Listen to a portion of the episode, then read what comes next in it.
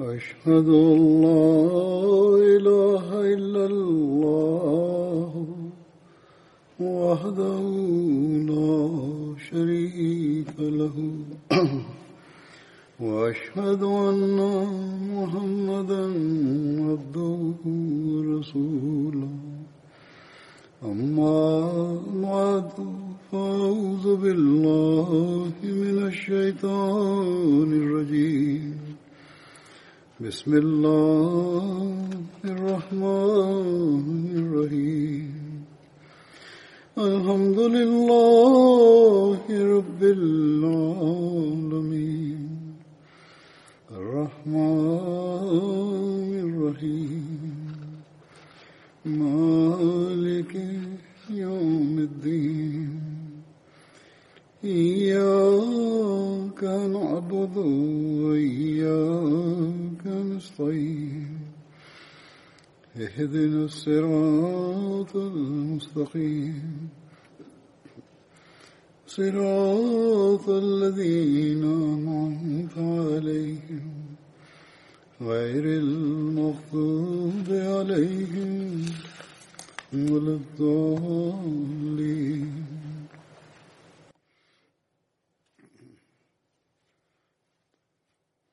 Pada khutbah minggu yang lalu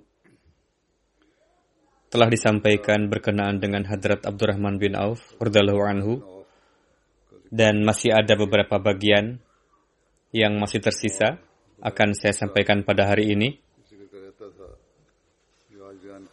Hak kedermawanan Hadrat Abdurrahman bin Auf sangat masyhur dan beliau juga banyak melakukan pengorbanan harta.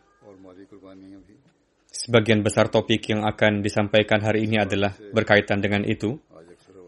Dalam sebuah riwayat diceritakan bahwa Hadrat Abdurrahman bin Auf berwasiat bahwa seluruh sahabat yang ikut perang Badar masing-masing akan diberikan 400 dinar dari harta warisan beliau. Dengan demikian, wasiat beliau itu diamalkan dan saat itu ada 100 orang sahabat Badar.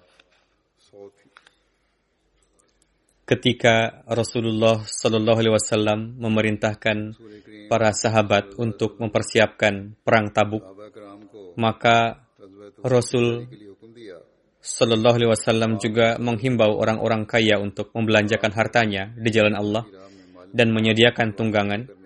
Atas himbauan itu, Hadrat Abu Bakar yang paling pertama hadir, beliau membawa seluruh hartanya yang berjumlah 4.000 dirham.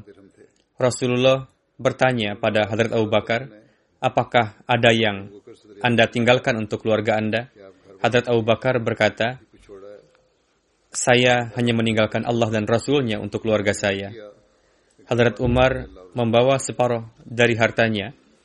Hadrat Rasulullah bertanya kepada Hadrat Umar, apakah ada yang Anda tinggalkan untuk keluarga Anda? Hadrat Umar berkata, aku meninggalkan separuh dari hartaku. Hadrat Abdurrahman bin Auf memberikan 100 auqiyah. Satu auqiyah sama dengan 40 dirham. Jadi sekitar 4.000 dirham. Rasulullah bersabda, Utsman bin Affan dan Abdurrahman bin Auf adalah dua dari antara khazanah-khazanah Tuhan di bumi yang membelanjakan hartanya demi keridaan Allah Ta'ala. Hadrat Ummi Bakar binti Miswar meriwayatkan, Hadrat Abdurrahman bin Auf membeli sebidang tanah seharga 40 ribu dinar dari Hadrat Utsman bin Affan. Kemudian beliau membagi-baginya pada orang-orang miskin Banu Zahra, orang-orang yang membutuhkan dan ummahatul mukminin, yakni para istri Rasul.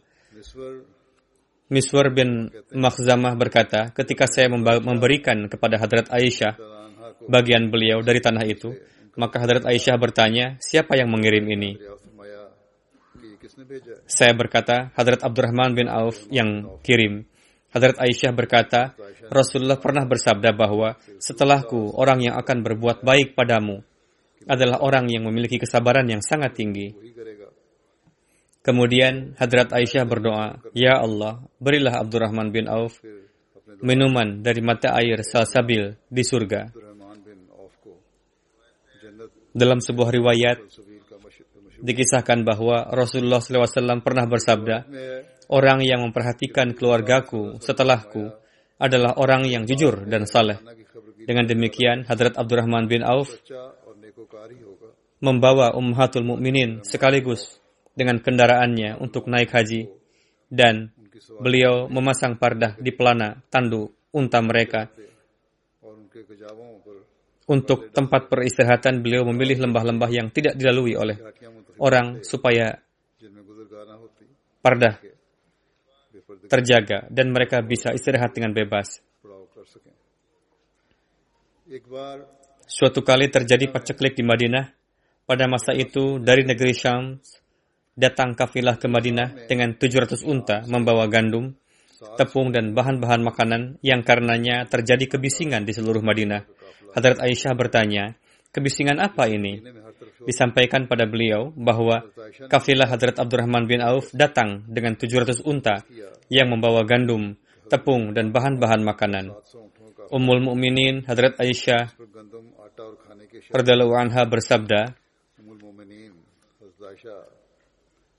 Saya mendengar Rasulullah pernah bersabda, Abdurrahman bin Auf akan masuk ke surga dengan merangkak. Ketika riwayat Ummul Mukminin Hadrat Aisyah ini sampai pada Hadrat Abdurrahman bin Auf, maka beliau hadir di hadapan Hadrat Aisyah dan berkata, Wahai ibu, aku menjadikan engkau sebagai saksi bahwa semua gandum, bahan makanan, dan semua barang sampai pelana unta aku persembahkan di jalan Allah Ta'ala supaya aku bisa masuk ke surga dengan berjalan. Tak terhitung jumlahnya kisah-kisah kedermawanan Hadrat Abdurrahman bin Auf yang dikumpulkan oleh para penyusun sejarah sahabat. Dalam Asadul Ghabah ditulis bahwa Hadrat Abdurrahman bin Auf adalah orang yang membelanjakan hartanya di jalan Allah. Suatu kali beliau memerdekakan 30 budak dalam satu hari. Suatu waktu Hadrat Umar membutuhkan uang dan beliau meminjam kepada Hadrat Abdurrahman bin Auf. Hadrat Abdurrahman bin Auf berkata, Wahai Amirul Mukminin, kenapa Anda meminjam kepada saya? Anda kan bisa mengambilnya dari Baitul Mal atau bisa pada Utsman atau orang dan orang yang mampu lainnya. Hadrat Umar bersabda, Aku melakukannya karena mungkin saja aku lupa mengembalikan pinjaman pada Baitul Mal. Atau kalau aku meminjam dari orang lain, maka mungkin saja karena dia memandangku atau karena sebab lain dia tidak menagih hutangnya padaku dan aku pun lupa. Tapi engkau pasti akan menagih hutang padaku. Antara beliau berdua, yakni Hadrat Abdurrahman bin Auf dan Hadrat Umar, terjalin hubungan tanpa sungkan. Jika beliau membutuhkan, maka beliau biasa meminjam pada Hadrat Abdurrahman bin Auf, yakni beliau bisa meminjam. Putra Hadrat Abdurrahman bin Auf, Ibrahim, meriwayatkan dari ayahnya bahwa Rasulullah pernah bersabda, Wahai putra Auf, kamu akan masuk ke surga dengan merangkak karena kamu orang kaya. Oleh karena itu, belanjakanlah hartamu di jalan Allah supaya kamu bisa masuk ke surga sambil berjalan. Ini mirip dengan riwayat Hadrat Aisyah yang tadi. Maka Hadrat Abdurrahman bin Auf bertanya, Wahai Rasulullah, apa yang harus aku belanjakan di jalan Allah? Rasulullah bersabda, belanjakanlah apa pun yang kamu punya. Beliau bertanya, apakah semuanya? Rasul bersabda, ya. Dengan demikian, Hadrat Abdurrahman bin Auf keluar dengan tekad kuat bahwa Aku akan mempersembahkan seluruh hartaku di jalan Allah. Beberapa saat kemudian Rasulullah memanggil beliau dan bersabda, Jibril berkata, yakni setelah kamu pergi, Jibril datang dan berkata, sampaikanlah pada Abdurrahman agar dia menghormati tamu, memberi makan orang miskin, memberi orang yang meminta-minta, dan dahulukan membelanjakan harta pada keluarga dibanding orang lain. Kalau dia melakukan itu, maka hartanya akan suci dengan harta yang suci yang sudah dibelanjakan di jalan Allah Ta'ala, kamu tidak akan masuk surga dengan merangkak lagi, melainkan dengan berjalan. Inilah kesimpulannya. Suatu hari, beliau memberikan separuh harta beliau, yakni 4.000 dirham, di jalan Allah Ta'ala. Kemudian beliau pernah menyedekahkan 40 ribu dinar di jalan Allah Ta'ala. Suatu kali beliau mewakafkan 500 kuda di jalan Allah Ta'ala. Kemudian beliau mempersembahkan 500 unta di jalan Allah Ta'ala. Putra Hadrat Abdurrahman bin Auf, Abu Salma meriwayatkan bahwa ayah kami mewasiatkan sebuah kebun untuk Ummahatul Mukminin. Harga kebun itu adalah 400 ribu dirham. Hadrat Abdurrahman bin Auf mewasiatkan 50 ribu dinar untuk diberikan di jalan Allah Ta'ala. Harta peninggalan beliau 1000 unta, 3000 kambing, dan 100 kuda. Semuanya dipelihara di Baki, Juruf yang berada tiga mil di antara di arah utara Madinah yang di situ ada harta Hadrat Umar. Di sana beliau bercocok tanam di lahan yang dibajak oleh 20 unta dan dari situlah kebutuhan gandum keluarga beliau selama setahun dipenuhi. Dalam sebuah riwayat diceritakan bahwa sebagai warisan beliau meninggalkan emas sedemikian rupa yang dipotong-potong dengan kapak sampai-sampai tangan orang-orang kapalan karena memotongnya. Hazrat Abdurrahman bin Auf wafat pada 31 Hijriah. Menurut sebagian orang, 32 Hijri. Beliau berumur 72 tahun. Menurut sebagian orang, 78 tahun. Beliau dimakamkan di Janatul Baqi. Hazrat Utsman mengimami salat jenazah beliau. Menurut salah satu riwayat, Hazrat Zubair bin Awam yang mengimami salat jenazah beliau. Pada kewafatan beliau, Hadrat Sa'ad bin Malik berdiri di dipan tempat beliau disemayamkan dan berkata, Wah Jabala, sayang sekali kita kehilangan seorang yang memiliki kepribadian seperti gunung. Hadrat Ali bersabda, Ibnu Auf telah pergi dari dunia ini. Beliau telah meminum air yang bersih, suci di dunia ini dan meninggalkan air yang kotor. Atau dengan kata lain, Ibnu Auf telah mendapati masa yang baik dan pergi sebelum datangnya masa buruk. Hadrat Abdurrahman bin Auf meninggalkan tiga istri, setiap istri dari seperdelapan bagian masing-masing mendapatkan 80 ribu dirham, sedangkan di riwayat lain tertulis bahwa beliau memiliki istri dan setiap istri mendapatkan 80 ribu dirham.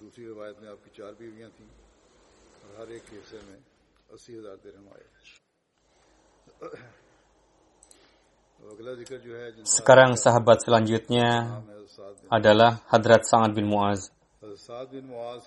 Hadrat Sa'ad bin Muaz berasal dari kaum Ansar, kabilah Aus, ranting Banu Abdul Ashal, dan beliau adalah pemimpin kabilah. Ayahanda beliau bernama Muaz bin Nu'man, dan ibunda beliau bernama Kabsyah.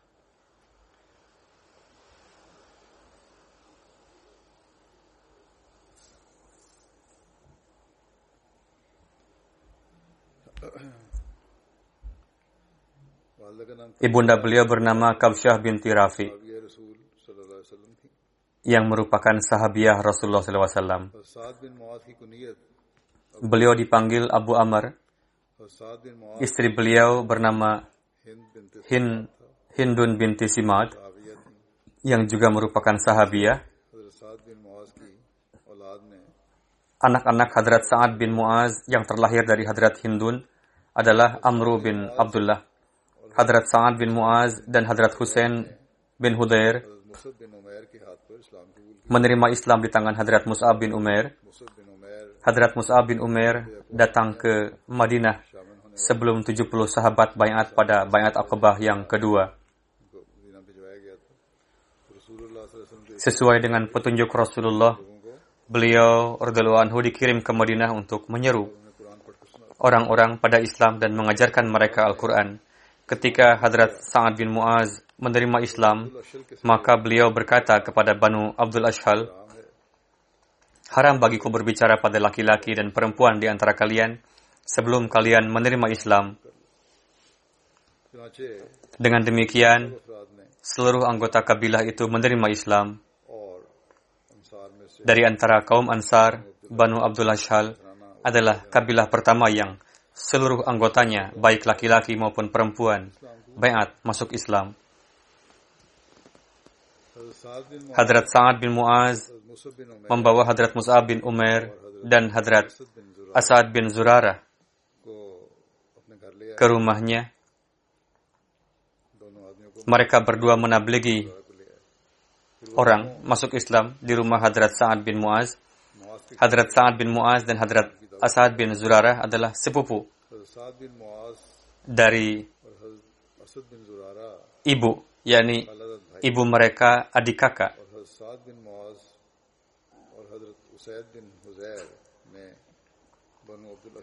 Hadrat Sa'ad bin Mu'az dan Hadrat Usaid bin Hudair menghancurkan berhala-berhala Banu Ashal. Mereka satu keluarga, oleh sebab itu mereka menghancurkan berhala-berhala mereka setelah semua kabilah masuk Islam. Rasulullah menjalinkan persaudaraan antara Hadrat Sa'ad bin Mu'az dan Hadrat Sa'ad bin Abi Waqas. Menurut riwayat lain, beliau bermuaka, bermuakat dengan Hadrat Abu Ubaidah bin Jarrah anhu. Berkaitan dengan peristiwa masuk Islamnya Hadrat Sa'ad bin Mu'az, Hadrat Mirza Bashir Ahmad menulis di dalam buku Sirat Khatamun Nabiyyin.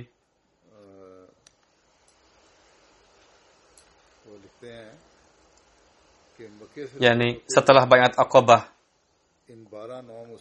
yang pertama ketika bertolak dari Mekah 12 orang muslim ini mengajukan kepada Rasulullah untuk mengirim bersama mereka seorang muallim Islam yakni guru untuk mengajarkan mereka ilmu agama dan ajaran Islam. Untuk menabligi mereka dan saudara-saudara mereka yang musyrik. Lalu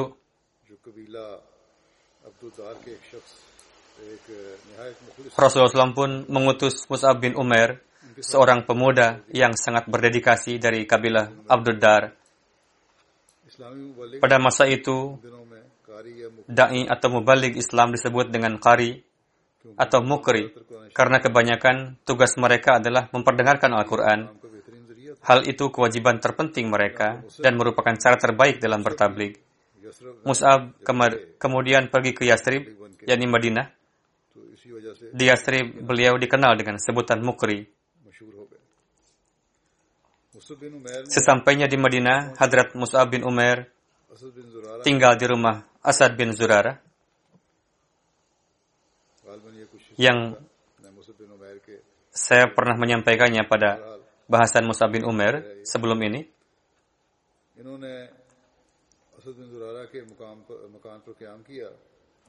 Beliau tinggal di rumah Asyad bin Zurarah yang merupakan muslim pertama di Madinah dan memang beliau seorang sahabat yang sangat setia dan berpengaruh.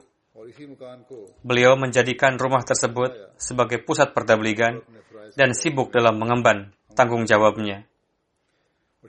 Karena di Madinah, umat Islam dapat hidup bersama dan lebih damai, sehingga atas usulan Asad bin Zurarah, Rasulullah SAW memerintahkan Mus'ab bin Umair untuk memimpin salat Jumat.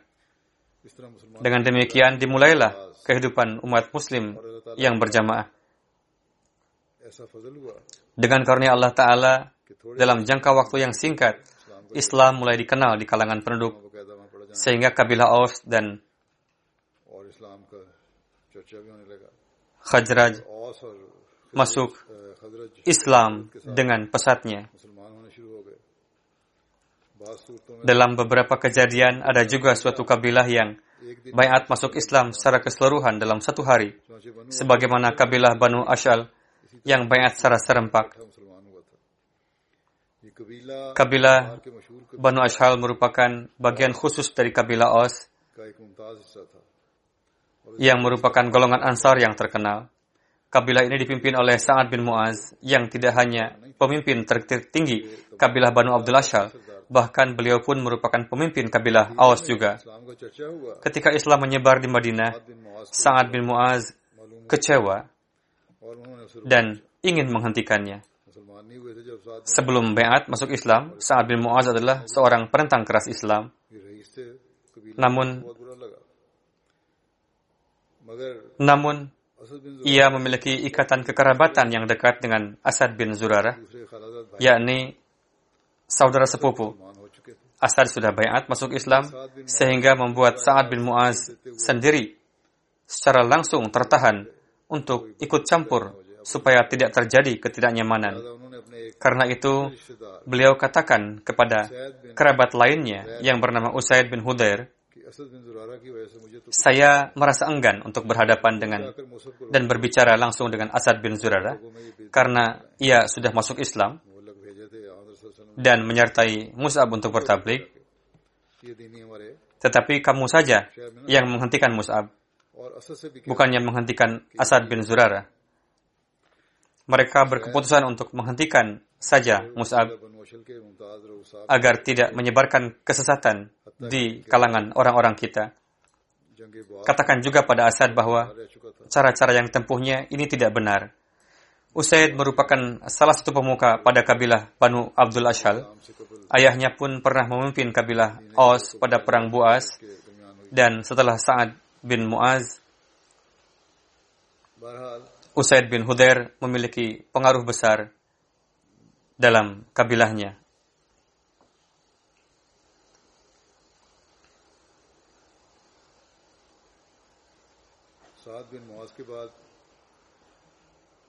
Setelah Sa'ad bin Mu'az, Usaid bin Huzair memiliki pengaruh besar dalam kabilahnya. Atas perintah Sa'ad, ia pergi menemui Mus'ab bin Umair dan Asad bin Zurarah. Dengan nada marah, ia berkata kepada Mus'ab, Kenapa kamu menyesatkan orang-orangku dari agamanya? Hentikanlah ini, jika tidak, akibatnya tidak akan baik. Sebelum Mus'ab menjawab, Asad berkata dengan suara pelan kepada Musab, Orang ini seorang pemimpin yang sangat berpengaruh di kabilahnya. Berbicaralah dengan sopan dan lembut padanya. Musab lalu berbicara kepada Usaid dengan penuh santun. Anda tidak perlu marah. Silahkan Tuan duduk sejenak dan mohon dengarkan dulu penjelasan kami dengan kepala dingin. Setelah itu, silahkan Tuan menyampaikan pendapat sendiri. Usaid yang berfitrat baik menganggap ucapannya benar lalu duduk. Musab lalu memperdengarkan Al-Quran kepadanya dan menjelaskan ajaran Islam dengan penuh simpatik. Hal itu sedemikian rupa berkesan bagi Usaid sehingga saat itu juga ia menyatakan bayat masuk Islam. Usaid berkata, ada lagi seorang yang jika ia beriman, maka semua penduduk kabilah kami akan ikut bayat semuanya. Tunggu saja. Akan saya ajak kemari orang itu. Usaid pun beranjak pergi dan mengutus Sa'ad bin Mu'az kepada Mus'ab bin Umar dan Asad bin Zurarah dengan suatu alasan. Datanglah Sa'ad bin Mu'az lalu berkata kepada Sa'ad bin Zurarah dengan nada marah, Coba lihat Asad, kamu menyalahgunakan kekerabatan. Tidaklah benar saat ini saya diam karena ada ikatan kekerabatan. Namun, jangan salah gunakan kekerabatan ini. Mendengar itu, Mus'ab mendinginkan, mendinginkannya dengan lembut seperti sebelumnya. Ia berkata,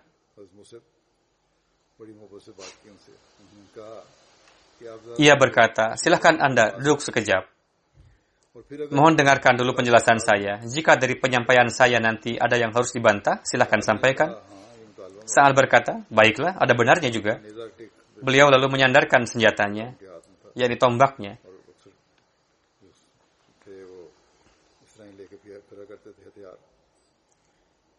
Seperti sebelumnya, Mus'ab menilawatkan Al-Quran, lalu menjelaskan prinsip islami. Dengan cara yang sangat menarik.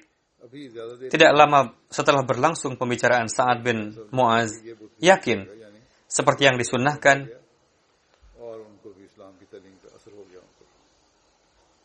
seperti yang disunnahkan saat lalu membasuh tubuh dan membaca kalimat syahadat.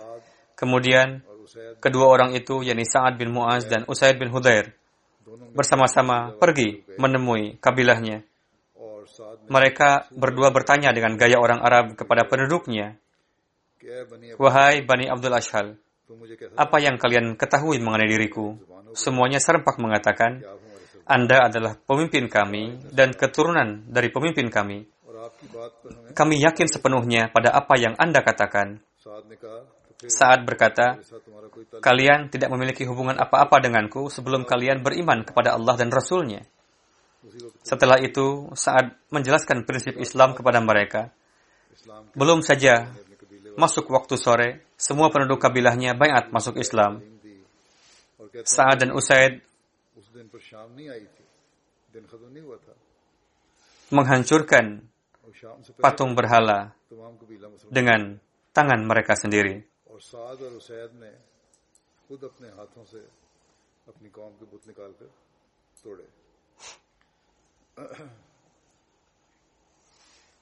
Sa'ad bin Muaz dan Usaid bin Hudair yang pada saat itu telah bayat termasuk sahabat terkemuka terlebih di kalangan Ansar. Tidak diragukan lagi beliau-beliau memiliki makom yang tinggi.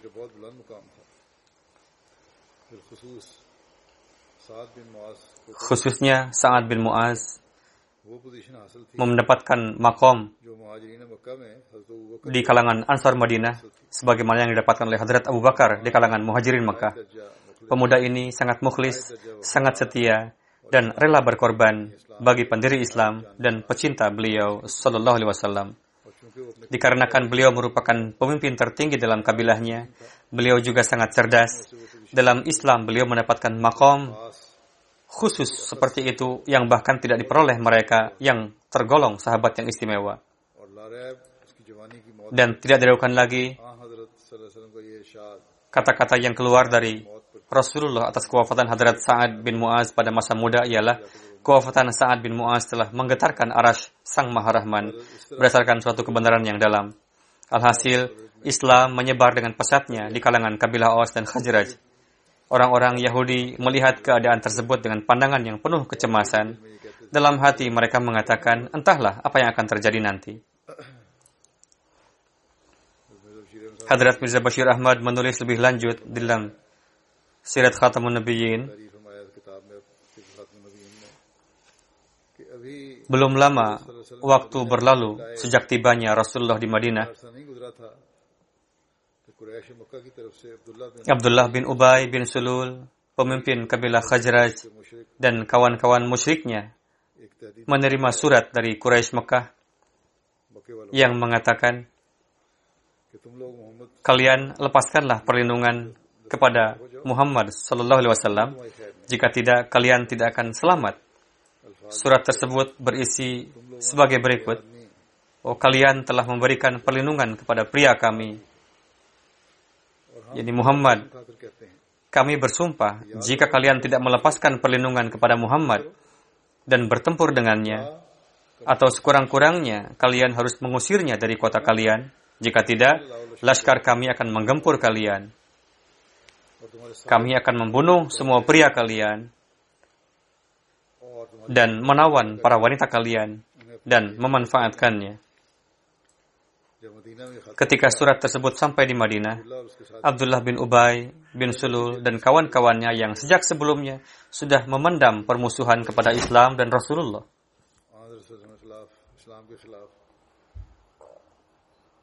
Sehingga mereka bersiap untuk berperang dengan Rasulullah ketika ketika Rasulullah mengetahui kabar tersebut Rasul segera menemui orang-orang itu lalu menasihati Abdullah bin Ubay bin Sulul dan kawan-kawannya bahwa jika kalian berperang dengan kami, maka kalian akan mengalami kerugian sendiri karena kalian akan berperang melawan saudara-saudara kalian sendiri. Yakni orang-orang yang masuk Islam ini berasal dari kabilah kamu juga. Jika kalian berperang dengan kami, maka merekalah yang akan menghadapi kalian yakni dari kabilah Aus dan Khajraj. Jadi berperang denganku artinya kalian berperang dengan saudara, anak, dan bapak-bapak kalian sendiri. Abdullah dan kawan-kawannya yang masih ingat dengan baik bagaimana kehancuran yang menimpa pasca perang Buas, yakni mereka pernah saling bertempur satu sama lain dan mengalami kehancuran yang parah karenanya.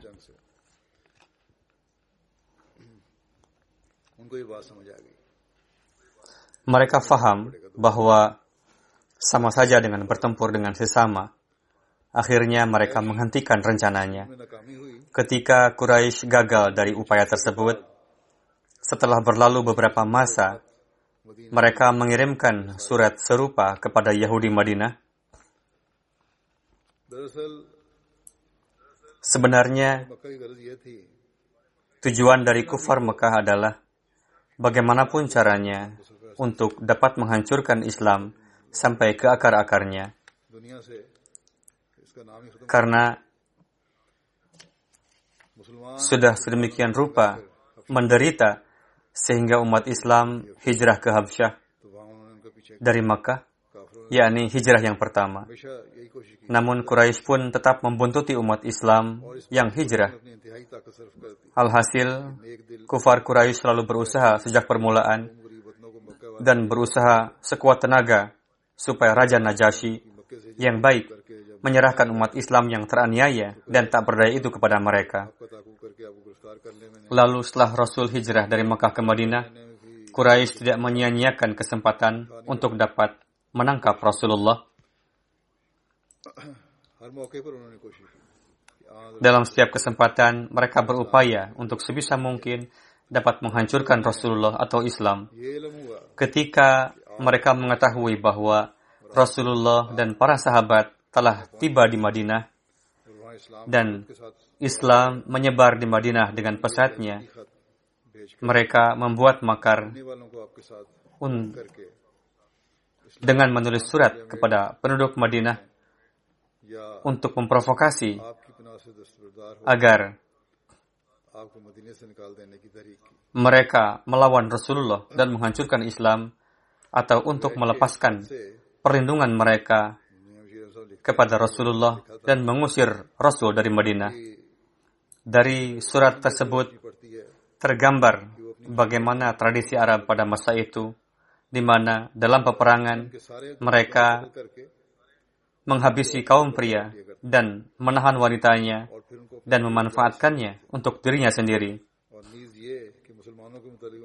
Lebih dari itu, makar mereka berkenaan dengan Islam lebih berbahaya lagi dari itu.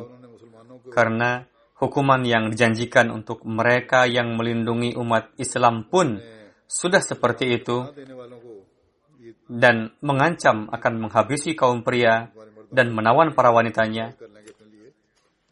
Terlebih kekejaman yang akan mereka timpakan kepada umat muslim tentu lebih kejam lagi dari itu.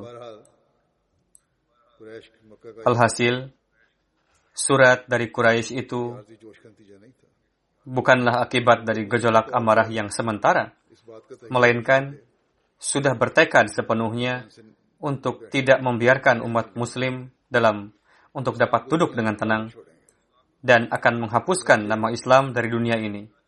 Sebagaimana Hadrat Mirza Bashir Ahmad menulis suatu kejadian Kejadian bersejarah ini memberitahukan rencana Quraisy Mekah untuk melakukan penumpahan darah. Kisahnya terdapat dalam Bukhari, yakni selang beberapa masa setelah hijrah, Sa'ad bin Mu'az yang merupakan pemimpin tertinggi kabilah Aus dan sudah bayat masuk Islam, pergi ke Mekah untuk melaksanakan umrah. Hadrat Sa'ad menginap di rumah Umayyah, seorang pemuka Mekah dan juga sahabat lama pada zaman jahiliyah.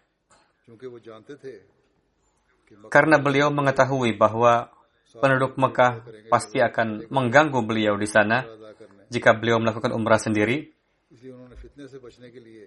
Untuk itu, supaya terhindar dari keributan, Hadrat Sa'ad mengatakan kepada Umayyah, saya ingin umrah di Ka'bah. Kamu tentukanlah waktu supaya aku dapat umrah sendiri dengan tenang dan ikutlah bersamaku. Setelah selesai umrah, nanti aku akan kembali ke kampung halaman. Pada siang harinya, Umayyah bin Khalaf mengajak Sa'ad bin eh, Sa'ad ke Ka'bah. Ketika pada umumnya orang-orang sedang beristirahat di rumahnya masing-masing, namun kebetulan Abu Jahal datang pada saat itu dan seketika pandangannya tertuju kepada Sa'ad. Amarah bergejolak dalam diri Abu Jahal. Namun ia berusaha menahan amarahnya lalu bertanya kepada Umayyah, Wahai Abu Safwan, siapa orang yang bersamamu ini? Umayyah berkata, dia adalah Sa'ad bin Mu'az, pemimpin kabilah Aus. Saat itu Abu Jahal naik pitam dan berkata dengan keras kepada Sa'ad, apakah kalian beranggapan bahwa setelah murtad dan memberikan perlindungan kepada Muhammad Shallallahu Alaihi Wasallam, kalian akan dapat bertawaf dengan aman di Ka'bah? Dan kalian beranggapan bahwa kalian mampu untuk melindungi dan menolong Muhammad Shallallahu Alaihi Wasallam? Demi Tuhan, beliau berkata, jika saat ini Abu Safwan tidak menyertaimu, kamu pasti tidak akan dapat pulang dengan selamat ke rumahmu. Hadrat Sa'ad terhindar dari kefasadan saat itu, namun dalam urat nadi beliau mengalir darah pemimpin dan dalam hati beliau dipenuhi dengan garet dan gejolak keimanan. Hadrat saat berbicara dengan suara lantang, Demi Tuhan, jika kamu menghalangiku dari Ka'bah, ingatlah kamu tidak akan dapat memasuki jalan menuju Syam dengan aman, karena kami menjaga jalan tersebut dan melakukan banyak hal untuk menghadapimu melihat Sa'ad menimpali ucapan Abu Jahal, Umayyah berkata, Sa'ad, janganlah bersuara tinggi seperti itu ketika berbicara kepada Abu Hakam, karena dia adalah pemimpin lembah.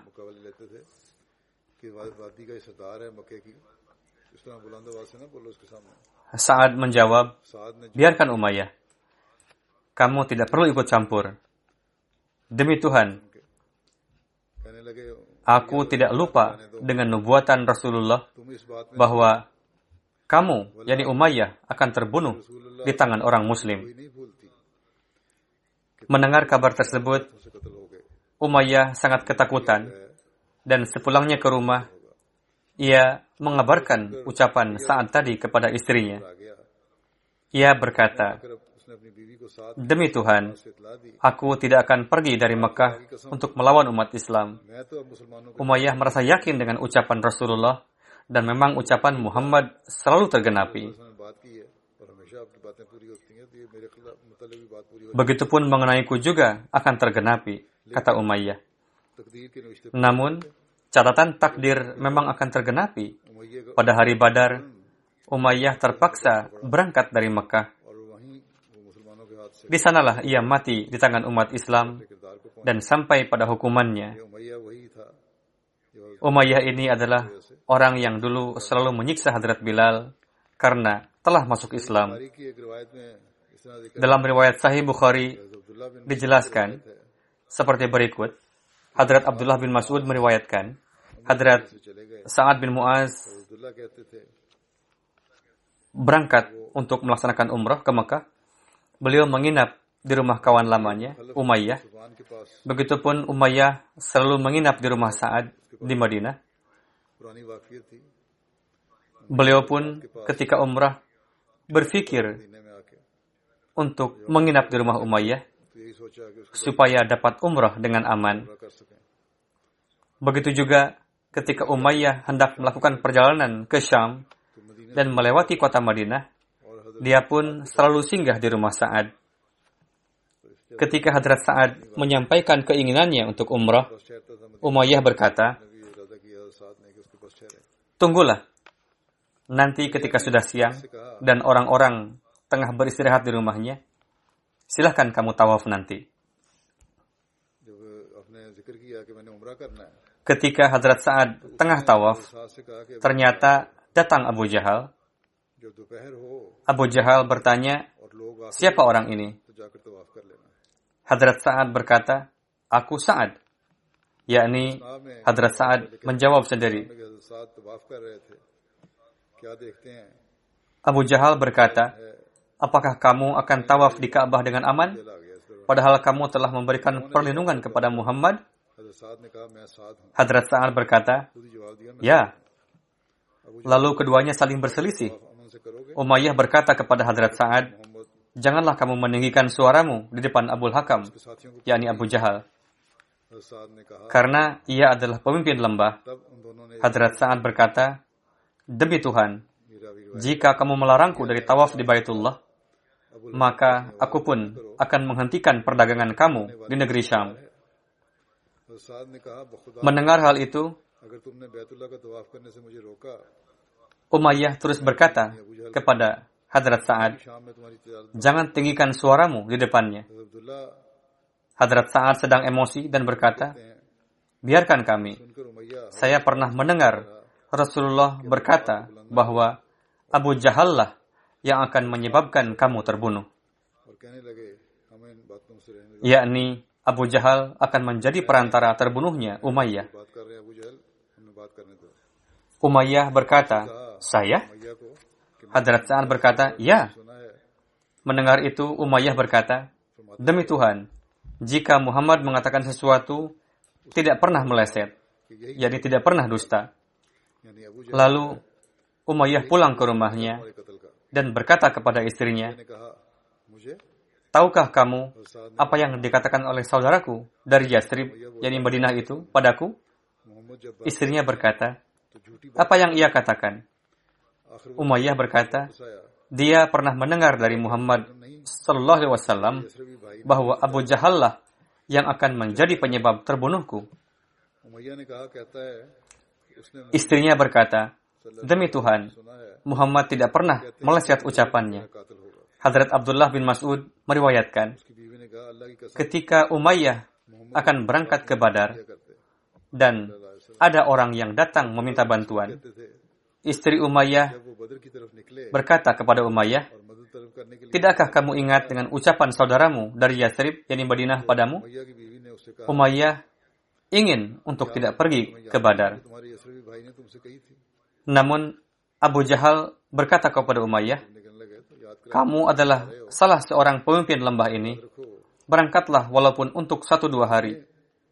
Lalu Umayyah pergi untuk satu dua hari saja. Dan akhirnya Allah Ta'ala telah membuatnya terbunuh.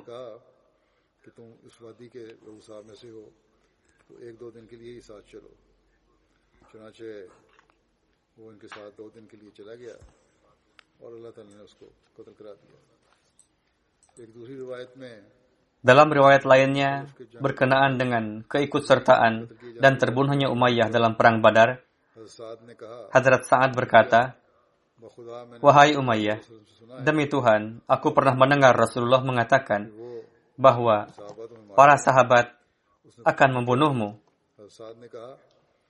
Umayyah bertanya, di Mekah? Hadrat Sa'ad berkata, saya tidak tahu. Mendengar hal itu, Umayyah sangat ketakutan. Sesampainya di rumah, ia mengatakan kepada istrinya, Safia atau Karimah binti Muammar, Wahai Ummi Safwan, engkau telah mendengar perkataan saat berkenaan denganku? Istrinya berkata, kenapa?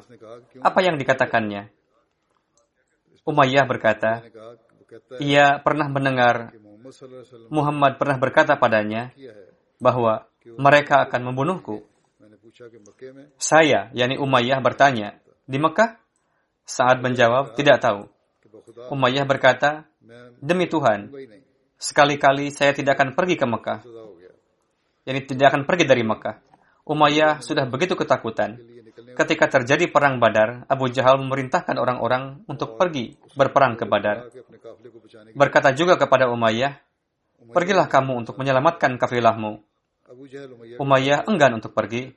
Setelah Umayyah menolak untuk pergi kepada utusan yang dikirim oleh Abu Jahal, lalu Abu Jahal menemuinya langsung dan berkata, Wahai Abu Safwan, ketika orang-orang melihatmu nanti bahwa kamu tidak ikut perang, padahal kamu adalah pemimpin lembah, maka mereka pun akan ikut-ikutan untuk tidak berangkat sepertimu. Abu Jahal menasihatinya. Akhirnya Umayyah mengatakan, jika kamu tetap memaksa, Demi Tuhan, saya akan membeli unta yang bagus di Mekah. Umayyah berkata kepada istrinya, Ummu Safwan, siapkan perlengkapanku. Istrinya berkata, Apakah kamu lupa apa yang dikatakan oleh saudaramu dari Yathrib itu? Ia menjawab, aku tidak lupa. Saya ingin pergi tidak terlalu jauh dengan mereka, lalu pulang lagi. Setelah itu, aku tidak akan pergi lagi. Ketika Umayyah pergi, di mana pun ia berhenti, ia mengikat lutut untanya. Ia terus berhati-hati sampai akhirnya Allah telah membinasakannya di Badar. Berkenaan dengan pembunuhannya, pernah disampaikan sebelumnya pada khutbah yang lalu dalam topik Hadrat Abdurrahman bin Auf. Hadrat Bilal memanggil orang-orang Ansar untuk membunuhnya disebabkan oleh kezaliman yang selalu dilakukan Umayyah kepada Hadrat Bilal waktu di Makkah. Hadrat Muslim Maud anhu bersabda berkenaan dengan seorang pemimpin Madinah bernama Sa'ad bin Muaz. Beliau adalah pemimpin kabilah Aus. Beliau pergi ke Mekah untuk tawaf di Baitullah. Ketika melihatnya, Abu Jahal mengatakan kepada Sa'ad dengan penuh emosi, apakah kalian berpikiran bahwa setelah memberi perlindungan kepada orang yang telah murtad bernama Muhammad, lantas kalian akan dapat bertawaf dengan aman di Ka'bah? Dan kalian beranggapan bahwa kalian mampu untuk melindungi dan menolongnya? Demi Tuhan, jika saat ini kamu tidak disertai oleh Abu Safwan, maka kamu tidak akan dapat pulang ke rumahmu dengan selamat. Sa'ad bin Mu'az berkata, Demi Allah, jika kamu menghalangiku untuk tawaf, maka ingatlah kamu pun tidak akan dapat memasuki jalan menuju Syam dengan aman. Hadrat Sa'ad bin Mu'az ikut serta pada perang Badar, Uhud, dan Khandak bersama dengan Rasulullah SAW. Pada perang Badar, bendera Aus dipegang oleh Hadrat Sa'ad bin Mu'az. Pada saat perang Badar, penzahiran gejolak rasa cinta dan kesetiaan Hadrat Sa'ad bin Mu'az kepada Rasulullah nampak dari peristiwa berikut. Yakni ketika beliau memberikan gagasan kepada Hadrat Rasulullah yang mana ditulis oleh Hadrat Mirza Bashir Ahmad dalam buku Sirat Khatamun Nabiyyin sebagai berikut. Ketika umat muslim melewati satu sisi lembah Safra. Safra nama sebuah lembah yang terletak di antara Badar dan Madinah, di mana beliau telah membagikan secara adil harta rampasan perang Badar kepada umat muslim. Di lembah tersebut dijumpai banyak pohon kurma dan ladang. Jarak antara Safra dengan Badar adalah satu marhalah. Ketika sampai di Zafran yang berjarak satu manzal dari Badar,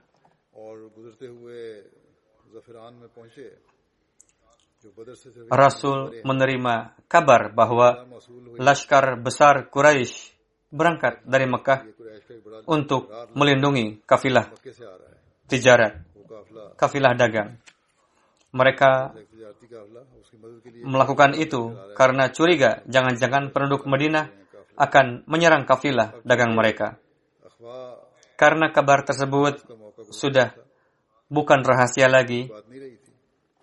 Lalu Rasulullah mengumpulkan seluruh sahabat dan mengabarkan kepada mereka. Rasul meminta musyawarah dari mereka, apa yang harus kita lakukan saat ini? Beberapa sahabat mengatakan, "Wahai Rasul, setelah memperhatikan hal-hal yang zahir, akan lebih baik jika kita jangan menghadapi mereka karena kita masih belum siap sepenuhnya untuk menghadapi laskar mereka. Namun Rasul tidak menyukai gagasan tersebut. Di sisi lain, setelah mendengarkan gagasan tersebut, sahabat besar berdiri lalu menyampaikan ceramah yang genuh, yang penuh gelora. Berkata, jiwa dan harta kita semuanya adalah milik Allah Ta'ala. Kita senantiasa siap untuk, kami senantiasa siap untuk berkhidmat dalam berbagai medan. Sebagaimana Mikdad bin Aswad yang memiliki nama lain Mikdad bin Amru mengatakan, Wahai Rasulullah, kami tidak tidaklah seperti sahabat Nabi Musa yang memberikan jawaban kepada Tuhan dengan mengatakan, Pergilah engkau bersama Tuhan engkau berperang, kami akan duduk di sini. Melainkan kami mengatakan, ke mana pun Tuhan kehendaki, ajaklah kami, kami akan menyertai Tuhan. Kami akan berperang di sebelah kiri, kanan, depan, belakang Tuhan. Setelah mendengar ceramah tersebut, wajah beberkat Rasulullah nampak sangat bahagia. Namun pada kesempatan itu pun, Rasulullah menunggu jawaban dari Ansar. Beliau berharap ada pemuka Ansar yang mengatakan senada dengan itu. karena Rasul berpikir mungkin Ansar beranggapan bahwa berdasarkan bayat akobah tanggung jawab kami hanya melakukan pembelaan jika terjadi serangan ke Madinah. Untuk itu, meskipun telah disampaikan ceramah seperti tadi, Rasul tetap bersabda, berikan masukan kepada saya, apa yang harus kita lakukan. Sa'ad bin Mu'az, pemimpin Awas, memahami harapan Rasul, lalu menyampaikan sebagai wakil Ansar, Wahai Rasulullah, mungkin Tuhan menanyakan pendapat kami. Demi Tuhan, ketika kami meyakini kebenaran Tuhan, lalu beriman kepada Anda, dan memberikan tangan kami di atas tangan Tuhan, sekarang ke mana pun Tuhan menghendaki, silakan kami akan menyertai Tuhan. Demi zat yang telah mengutus Tuhan dengan hak, jika seandainya Tuhan memerintahkan kami untuk melompat ke samudera, kami akan melompat ke dalamnya. Satu orang pun tidak akan ada yang tersisa di antara kami. Tuhan adalah akan mendapati kami sabar dalam pertempuran. Tuhan akan melihat dari kami hal-hal yang dapat menyejukkan mata Anda. Setelah mendengar ceramah tersebut, Rasul merasa sangat bahagia dan bersabda, Majulah dengan menyebut nama Allah dan berbahagialah karena Allah Ta'ala telah berjanji padaku bahwa Allah Ta'ala pasti akan memberikan kemenangan kepada kita di atas satu kelompok di antara dua kelompok kufar, yakni antara laskar dan kafilah dagang. Demi Tuhan, saat ini seolah-olah saya tengah menyaksikan tempat di mana para musuh akan mati berguguran. Dan seperti itulah yang terjadi. Kisah ini masih berlanjut selebihnya. Insya Allah Ta'ala akan saya sampaikan pada kesempatan yang akan datang.